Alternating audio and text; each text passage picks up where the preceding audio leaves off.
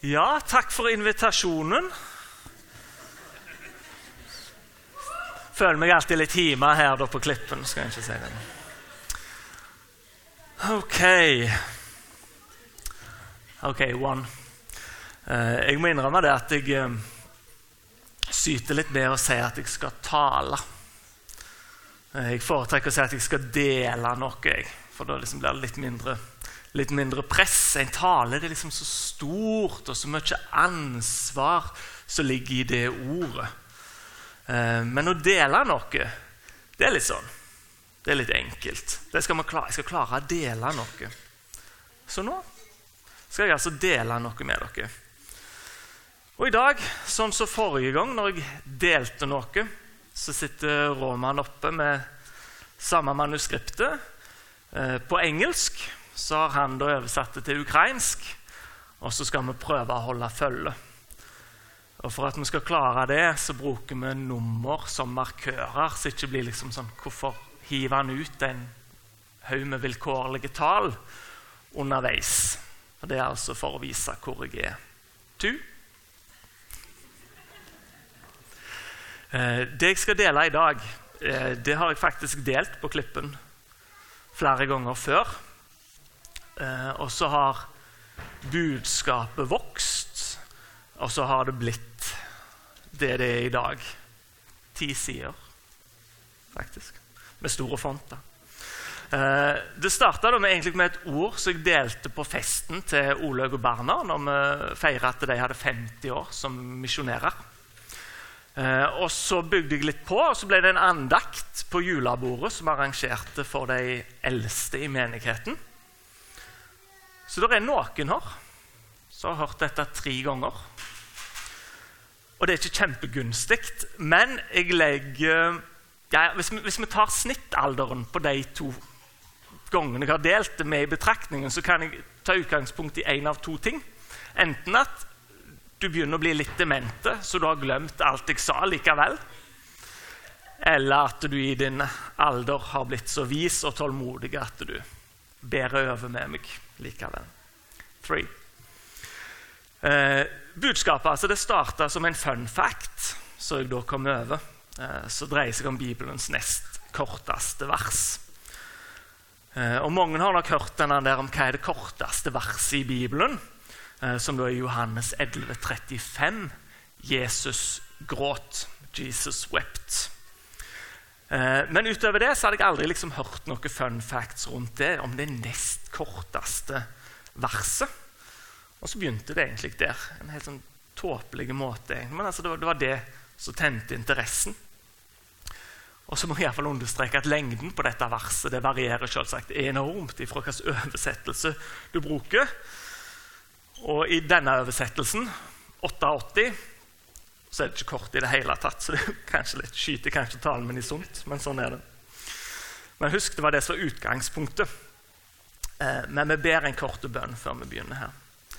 Eh, kjære Gud, eh, vi takker deg for ordet ditt. Vi takker deg for at du har gitt oss ordet, sånn at vi hver dag kan ta det til oss og finne næring i det. Og at vi hver dag kan lese det for å bli bedre kjent med deg, du som har skapt oss og himmel og jord og alt som rundt oss. Så ber vi Helligånd om at du åpenbarer ordet for oss, og at du leder meg når jeg skal dele. Amen. For. Vi skal lese dagens tekst. Og nå begynner det å bli avansert. For når jeg nå lukker Bibelen igjen, så er det da tegnet til romerne at jeg er ferdig med min tekstlesing. Så forstår han det. Men vi skal lese fra Lukas 17, 20 til 37. Så det var en del. Da fariseerne spurte ham om når Guds rike skulle komme, svarte han dem og sa Guds rike kommer ikke på en slik måte at en kan se det med øynene. Heller ikke skal de si 'se her' eller 'der er det'. For se, Guds rike er inni dere. Og han sa til sine disipler.: De dager skal komme da dere skal stunde etter å få se en av menneskesønnens dager, og dere skal ikke få se den. Og de skal si til dere, se her, eller se der er han. Gå ikke dit, og følg ikke etter. For like som lynet, når det glimter, lyser fra himmelbryn til himmelbryn, slik skal menneskesønnen være på sin dag. Men først må han lide meget og bli forkastet av denne slekt. Og slik som det var i Noas dager, slik skal det også være i menneskesønnens dager. De åt og drakk, de tok til ekte og ble gitt til ekte, like til den dag da Noah gikk inn i arken. Så kom vannflommen og ødela dem alle. På samme vis, slik som det var i Lots dager. De åt og drakk, de kjøpte og solgte, plantet og bygde. Men den dag da Lot gikk ut av Sodoma, lot Gud det regne ild og svovel fra himmelen og ødela dem alle. Slik skal det også være på den dag menneskesønnen åpenbares. På den dag må den som er oppe på taket og har sine ting inne i huset, ikke stige ned for å hente dem.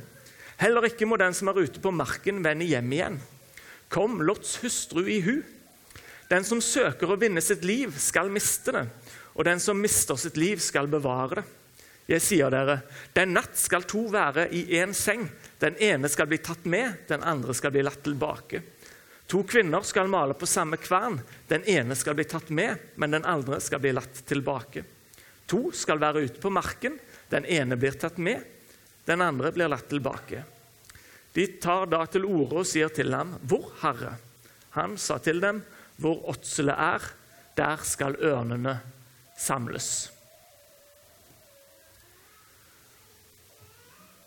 Her er altså Bibelens nest korteste vers. Og For at det ikke skal bli forvirring da, og frustrasjon og sinne, så, så er det altså da vers 32. Kom Lots hustru i hu. Som da altså er på engelsk 'Remember Lots wife'. Og tre ord, da er du på andreplass over det korteste verset i Bibelen. Det er ett på to, faktisk. På engelsk 'Rejoice always'. Ok, det var et sidespor. Men altså, husk Lots hustru. Eh, her har jo Jesus en lang utgreiing om Guds rike og om endetida. Og Jeg skal egentlig ikke snakke om noen av de tingene der.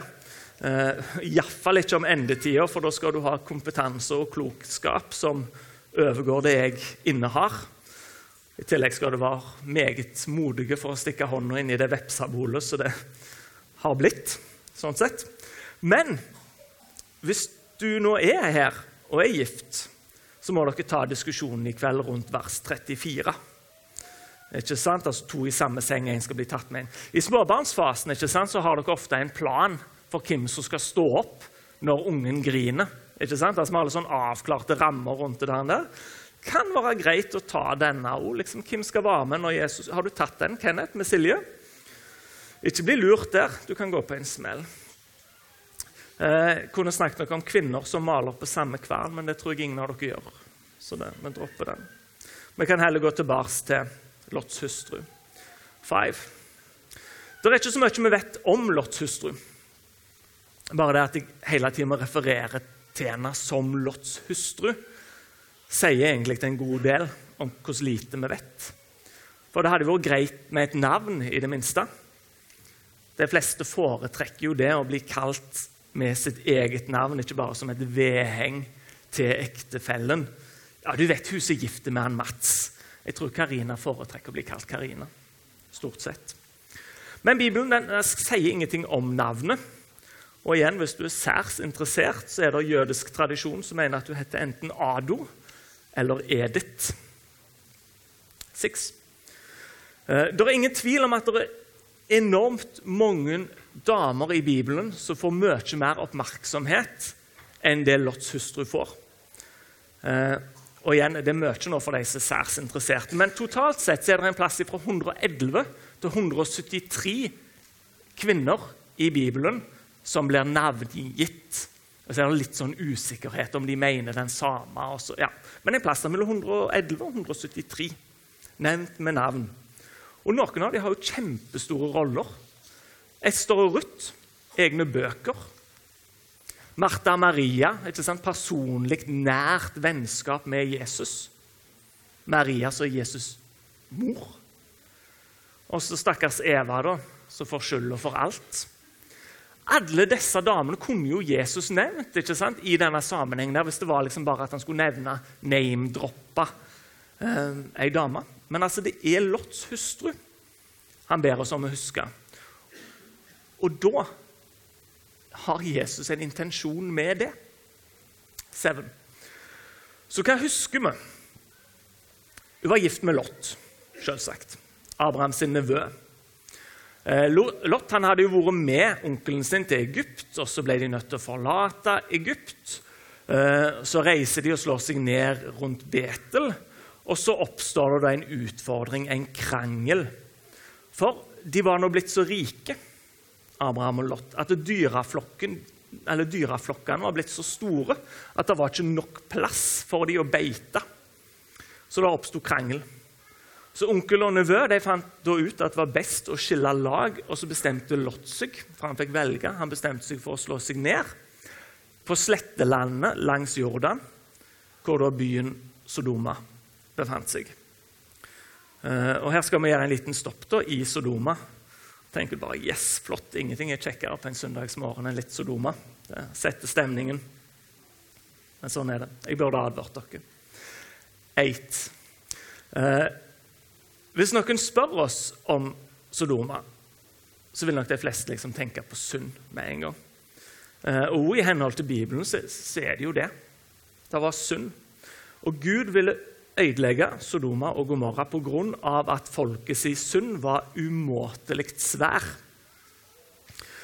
Og når en da spør ja, hva synd var dette, så vil vi òg ofte automatisk gå til Jo, det var, det var seksuell synd dette dreide seg om. Og hvis vi leser i Bibelen, så Ja, det er sånn det framstår. Det er litt sånn som en gigantiske holdt på å si, swingersfest der alt er lov, og alle var fritt vilt.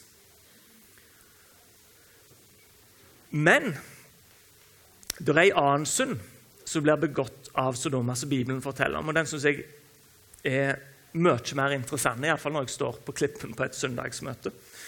Jeg regner jo ikke med at så mange av dere Ja, vi lar den ligge. Men i eh, Esekiel 16, 39 Roman, let's read Ezekiel 16, 49. Ezekiel 16, 49. Der skriver profeten. Se, dette er Sodomas, din søsters misgjerning. Overmot. Overflod av brød og trygg ro hadde hun og hennes døtre. Men den elendige og fattige hjalp hun ikke. Overmot hovmod, stolthet. Og så elsker jeg ordet hybris, ikke sant? Der, der mennesket prøver å ta Guds plass. Det er jo kjennetegn på mennesker i det 21. århundre. En overdreven selvsikkerhet som ødelegger forholdet vårt til Gud. Og for oss som menighet òg. Altså, vi har en overflod av brød og trygghet. For Herren har velsignet oss. Og så er det da at vi ikke må glemme de elendige og de fattige, som Amalie delte. ikke sant? En av disse mine små.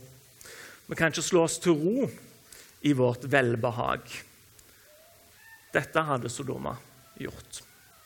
Nei. For noen uker siden så snakket jeg om Jakobs brev, kapittel 2, på onsdagsmøtet. Når dere kom til kapittel 5. Skal avslutte. Og Jakob var voldsomt klar på at ei tro uten gjerning er unyttige. Han går faktisk så langt at han sier det er ei død tro. Og det med at vi ber for mennesker som er i nød, ikke sant? at vi sier våre velsignelser over bygda, det er vel og bra. Men vi skylder å hjelpe de som er i nød, med å faktisk gi dem det de trenger. Altså, Vi kan ikke bare stå her på klippen og så lyse velsignelser over bygda. Vi skal ut og være en velsignelse for bygda. Og hvis vi setter det på spissen, hvis du møter en person som ikke har spist de siste to døgnene, viser du da trua di best med å be høyt for ham? Eller med å gi ham noe å ete? Ten. Vi returnerer til historien. Altså, nå hadde de Abraham og Lot de hadde skilt lag. Og så En dag så kom Herren til Abraham. Vi har diskutert at jeg liker jo ikke sånne sånn drop-in-besøk. Så ler Henriette sånn uanmeldt besøk. Men her, dette, Jeg vet ikke hvordan jeg hadde takla dette, men Herren kommer til Abraham bare sånn helt ut av det blå. sånn. Eh, og Så sier han ja, du skal få en sønn. Det er jo flott. Sara er 90 år. Supert. Har du noe mer kjekt å fortelle? Eh, jo, jeg skal ødelegge Sodoma og Gomorra, forteller Herren da. Og Da får du hele den sekvensen. Jeg, jeg har snakket mye om dette, for dette har snakket om under pandemien. Her går altså Abraham inn i denne forhandlingen med Herren for å be han spare Sodomar, hvis det finnes nok antall rettferdige der. Hvis, hvis, du, hvis det er 50 Gud, sparer du byen da? Og så vet man at han går sakte nedover, så ender de da på 10. Les uh, første Mosebok 18 når du kommer hjem. Det er, som fagforeningsmann så elsker vi en god forhandling, så det, denne anbefales. Eh, så Etter dette så går det altså Herrens engler mot Sodoma, og så oppsøker de Lot i hans hus. Og så blir liksom historien litt sånn zombie-apokalypse. Når hele byen kommer mot huset til Lot og banker på og krever å få englene ut. Uh, Eleven. Uh, nå skal vi da hoppe inn i teksten. Nå har jeg referert mye, men nå hopper vi inn i første Mosebok 19. 15 til 17. 19, 15 til 17. Eh, da når morgenen grudde, skyndte englene på Lot og sa:" Stå opp, ta din hustru og dine to døtre som er her, så du ikke blir revet bort pga. ondskapen her i byen. Men da han nølte, tok han både ham og hans hustru og hans to døtre ved hånden, for Herren hadde barmhjertighet med ham. Og De førte ham ut og ledet ham til han var utenfor byen. Da de nå hadde ført dem utenfor byen, sa den ene, 'Fly for ditt liv. Se deg ikke tilbake, og stans ikke noe sted på hele sletten.' 'Fly opp i fjellene for at du ikke skal bli revet bort.' Eh, så følger noen vers der Lot går inn i en diskusjon med englene. Eh, og så leser vi videre vers 23 til 26. 23 til 26, please. Solen var gått opp over jorden da Lot kom til Soar. Da lot Herren det regne ned over Sodoma og Gomorra, svovel og ild fra Herren ut av himmelen. Han ødela disse byene og hele sletten, alle dem som bodde i byene, og alt som grodde på marken. Men Lots hustru, som fulgte etter ham, så seg tilbake. Da ble hun en saltstøtte. Det er i bånn og grunn historien om Lots søstre, så da Jesus ba oss om å huske. Og Denne historien den taler inn i livene våre, mener jeg, den dag i dag. Han forteller oss noe om å bli fanga en plass vi egentlig ikke skulle bli varende. Ikke sant? Eh, og jeg tror det at ofte i kristenlivet så blir vi stående fast. Kanskje spesielt etter pandemien. Eh, samfunnet var nedstengt lenge, og vi har nok fortsatt ikke klart å returnere til det aktivitetsnivået vi hadde før 2020. Det er noen som ikke har kommet inn igjen i rutinen eller inn igjen i den vanen la oss heller si det, der med å gå på gudstjeneste. Og selv om nedstengen hadde sine positive ting, at du fikk brukt mer tid med familien, så kan vi jo ikke leve resten av livet vårt i, i litt slitne joggebukser og morgenkåper. Vi må, må, komme oss i gang igjen. 12. Men hvorfor blir hust, eh, Lots hustru stående som ei saltstøtte? Og Det er jo fordi hun så seg tilbake, selv om den ene engelen hadde advart henne mot at det skulle de ikke gjøre. Og Da blir kanskje neste spørsmål hvorfor snudde hun seg tilbake for å kikke på Sodoma. Det var et kort avsnitt. etter 13. Kanskje fordi Sodoma var en komfortabel plass for henne. Eh, du hadde ei koselig stove, en god stol framfor peisen. Hun hadde den gode morgenkåpa si på en knagg eh, på soveromsdøra. For vi elsker jo det, å ha det komfortabelt. På fredag hadde jeg det kjempekomfortabelt.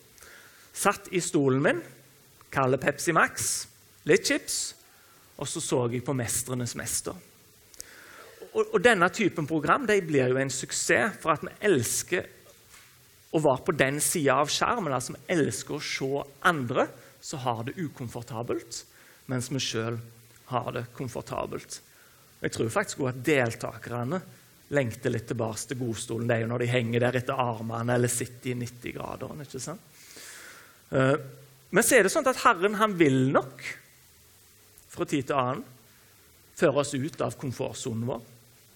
Og Hvis vi spør noen, f.eks. Olaug og Berner, ikke sant, som har levd i tjeneste, så vil de garantert fortelle at periodevis svært ukomfortabelt. For tiden. Kanskje så hun seg tilbake for at Sodoma det var jo det kjente og det kjære. Der hadde hun rutinene sine, som jeg sier. Hun visste hvordan ting fungerte i den byen der. Så jeg sier, Vi liker å ha det komfortabelt, og så vil jeg nå påstå at vi er også vanedyr. Ja. Selvsagt i varierende grad, men det å ha rutiner det gir oss en trygghet. Og jeg ligger nok voldsomt langt i en ytterkant her. Jeg elsker rutiner. Ja. Liker å ha oversikt. Eh, og da er det litt vanskelig å la Herren ta kontroll. For du har så lyst til å ha ei hånd på rattet sjøl. Og så får du de situasjonene der du har planlagt å svinge til venstre, og så sier Herren at du skal svinge til høyre, så har du ei hånd på rattet, så har Herren ei hånd på rattet. Og i et Y-kryss da, så havner du midt ute i ingen plass, for du kjører rett fram. Sånn som Lot havna midt imellom Sodoma og fjellene, der de skulle for å finne trygghet. 15. Som menighet så setter vi også pris på rutiner. Husker dere når vi skulle flytte møtetider? Og begynner jeg å pirke borti ting her. Kan det bli ubehagelig? Eh, vi har hatt noen sånne runder her på klippene, og det blir, det blir alltid litt bråk. Eh, de gjør det. Og så har vi dette argumentet. Vi har jo alltid gjort det sånn. Hørt det argumentet? Eller har du brukt det argumentet? Hvis du er under 20 år, så har du iallfall hørt argumentet før. Og hvis du har bikka 30, så kan jeg garantere at du har begynt å bruke det. Og På ungdomsskolen når jeg var lærer der, så fikk jeg ofte spørsmål rundt praksisen vår. Hvorfor gjør vi dette? Hvorfor må vi dette? Og De gangene da jeg endte opp med å svare, for den har vi alltid gjort det på Åkrau, så visste jeg at jeg hadde tapt diskusjonen. At vi alltid har gjort det sånt, er ikke et godt nok svar når vi skal forsvare praksisen og hvorfor vi gjør ting sånn som vi gjør dem. 16. Menigheten setter pris på det kjente og det kjære. Og det ikke, altså, hvis det kjennetegner mennesker å sette pris på det kjente og det kjære, så vil det også prege menigheten, som er en sammensetning av mennesker. Og så skal vi pirke videre. La oss snakke om musikk. I dag under gudstjenesten så er det mange her inne som ikke er fornøyd med musikken. Sorry, Mats, det er ikke personlig. Ikke sant? For en lovsangsleder kan ikke på en måte treffe alle i en flergenerasjonsmenighet hele tida. Noen vil ha mer skibolett og, og menighetsmusikk. Noen vil ha en kassagitar og John Honningdal-type lovsang. Noen vil ha sånn EMD, altså sånn type diskorytmer og, eh, og, og, lys som blinker. Jeg har siden jeg var 13, 12, 11, et eller annet sånt, likt hardrock og heavy metal. Klippen har ikke servert mye av det til meg. Altså, ja, men, men, men, poenget mitt er ikke sant, altså, vi vil aldri klare å treffe 100 her. ikke sant? Og så ser vi det at når uh, ting forandrer seg, da lengter du fort tilbake til det kjente og til det trygge. Og så stopper du kanskje litt opp i ferden din med Jesus. 17. Kanskje var det nysgjerrighet som fikk meg til å stoppe opp og se tilbake. Og her kan vi være ærlige. Altså, svovel og ild fra himmelen. Det, altså, Nyttårsrakettene på Åkra kan jo ta seg ei bolle. Hvem hadde ikke snytt seg for å se et sånt skue? For vi er nysgjerrige. Vi har ikke lyst til å gå glipp av noe. Og i 2023 så er informasjonsmengden helt enorme. Og skal jeg henge ut en kompis uten å navngi han, men i kompisgjengen som jeg og Kenneth går en del i, der hadde vi en stående spøk om han ene Martin vet hvem det er han eh, at han hadde vært på alle verdens internettsider to ganger. Og Det trodde vi egentlig var sant, for han brukte enormt med tid eh, på Internett. så det, det er godt mulig det stemte. Men i dag så kan du altså bruke hele dagen på forskjellige sosiale medier, og du får med deg en liten, liten brøkdel. Der vi før hadde to fjernsynskanaler og stort sett kunne følge med på de programmene vi, syntes var spennende, så blir det i dag produsert så mye innhold at du vil gå tom for tid. Og da stopper du opp. For du har ikke mer kapasitet til å gå videre, for du er så opptatt av alt du skal ha med deg der du er. Én ting. Jeg tror kanskje hun ser seg tilbake, for det var ikke sånn Lots hustru trodde at livet skulle bli. Jeg har snakket litt om det å ha kontroll. Og I forlengelsen av det så er det jo det å legge, legge planer. Det kan godt tenkes at Lots hustru hadde planlagt at til, sommeren skulle bygge seg en lite, lite hagestove. Endelig hadde de spart opp til å bytte ut kjøkken. Kanskje skulle de endelig, endelig skulle hun og Lott få reise på den langhelga til Gomorra. Bo på hotell og gå på kafé. Og... Altså, Hvem liker ikke å planlegge det? Og hva skjer med oss når ting ikke går sånn som vi hadde planlagt? Vi faller tilbake, tror jeg, til rutiner, til det kjente, det vi kan stole på. 19. Hvis vi tenker på Emmaus-vandrerne fra Lukas' evangelium uh, jeg, jeg, jeg, tror at de nok var med når Jesus tog inn i Jerusalem på palmesøndag. Da var de med i opptoget, Emmaus-vandrerne. Og tenk den følelsen av å være med på det inntoget der. ikke sant? Folk jubla, de sang, de la ned på palmeblad. Du tenkte 'Yes! Vinnerlaget! Her kommer vi! Seier!' Jesus her, ikke sant? Han skal forløse Israel. Og så går det ei dryg uke, og de planene du hadde lagt, ligger i grus, for Jesus han er jo død. Og så pakker de sammen og så stikker de tilbake til Emmausvandrerne. Så opptatt av sine egne knuste drømmer at de ikke klarer å se at det er Jesus. Han er der. Men liksom, det får de ikke med seg. For alt gikk jo så gale. Men han er der. Rett på sida av deg. Fascinerende historie. 20.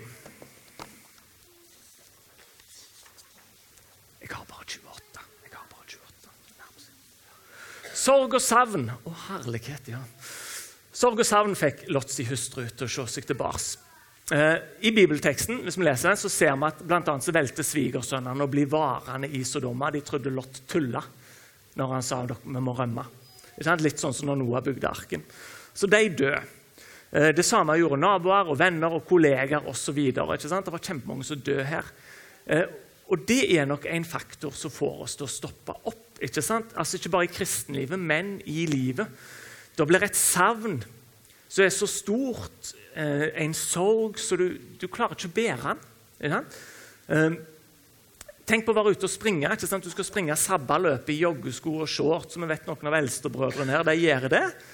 Og vi ser at det er tungt. Men hvis du da skal gjøre det med stivler og våte klær og 50 kilo sorg i ryggsekken, så orker du ikke. Så setter du deg ned. Og så blir du sittende. For, for, du klarer ikke å gå videre. 21. Og Nå blir det litt sånn tungt og deprimerende, og det, det, som skal ikke dvele så mye mer der. Men jeg tror jeg har vært innom en del ting som de fleste kan relatere til på en eller annen måte. Altså faktorer uh, som kan få oss til å stoppe. Det er jo ikke ment som noe kritikk. For jeg har jo sagt at jeg elsker uh, å ha det komfortabelt. Jeg elsker rutiner. Eh, til frokost spiser jeg ei skive rista med syltetøy og så drikker jeg ett glass juice med appelsinjuice med, med, fruktkjøtt. 350 dager i året spiser jeg det til frokost. Jeg elsker rutiner. Ingen er mer glad i å planlegge enn meg. Vi skal til Danmark i sommer. Jeg bestilte feriehus i april i fjor. Ja. Det, det, er kanskje gått så langt for meg at jeg syns det er kjekkere å planlegge enn selve turen. og det er jo litt sånn så alle disse tingene her, det, det, det er like mye til meg ikke sant, om disse faktorene, så jeg må være litt obs på for at en ikke blir stående i ro. 22. Så sammenligner jeg ofte, ofte livet da, med en flytur fra Karmøy til Oslo. Det er liksom min, min sånn sammenligning. Ja. Stigende kurve i starten, litt sånn prega av kanskje litt usikkerhet. sånn som alltid jeg når vi tar av det, rister litt i flyet. og det er litt sånn, liksom. Uh, men, men, men så, på en måte så kommer du, kommer du opp, og så, og så, flater flyet ut. og Hvis du flyr med SAS, så får du litt kaffe der, og dottene i ørene forsvinner. og du tenker sånn ah, Det er fint her, svever over Norge. Og så, så reduseres motorkrafta. Og så kjenner du at flyet har begynt å dale igjen. og Det, er jo da som metaforer på at du har bikka 40. Ja. Og når du har blitt 40, da, begynner du kanskje å se deg mer altså Du ser mer i, i bakspeilet enn du ser i frontruta. Det er svært uheldig når du er ute og kjører. Uh, og, så, så, hvis du hører deg sjøl si og dette er til dere litt unge, hvis du hører deg selv si uten ironi for du bruker det ofte ironisk når du er 20-30 år. Da, da, bruker du ironisk, Men altså uten ironi at alt var bedre før. Da vet du at da, da, da Ja. 23. Uh, kanskje har du litt rett når du sier alt var bedre før. Kanskje var noen ting bedre før enn de er i dag. Men poenget er at hvis du lever med Jesus, så er det beste alltid framfor. Ja. Uh, for mange her så var musikken bedre for 30 år siden. For noen var musikken bedre når, når, vi hadde ungdomstreffen ikke sant, i 98-99 mars, så vi fikk de ferske sangene fra Hillsong. Men, men, uansett hvor bra eh, Pedersen senior leda menighetsmusikken i Skibolet allsang, og hvor bra Mats er når han leder oss i lovsang med teamet sitt her, så vil det bleikne mot den lovsangen som du skal synge i himmelen.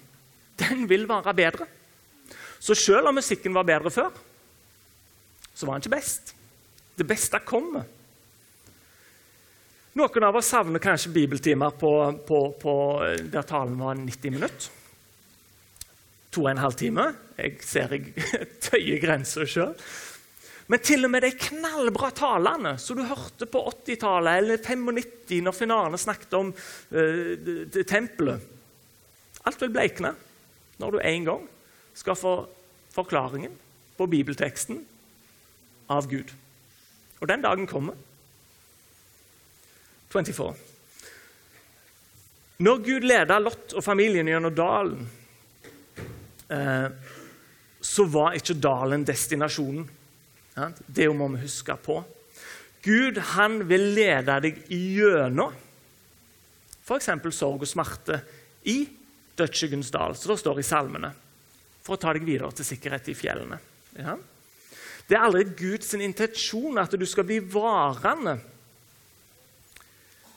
i den massive sorgen. Og Det er ikke noe jeg skal gi inntrykk av at jeg gir lett på, for, for det kan være enormt knusende.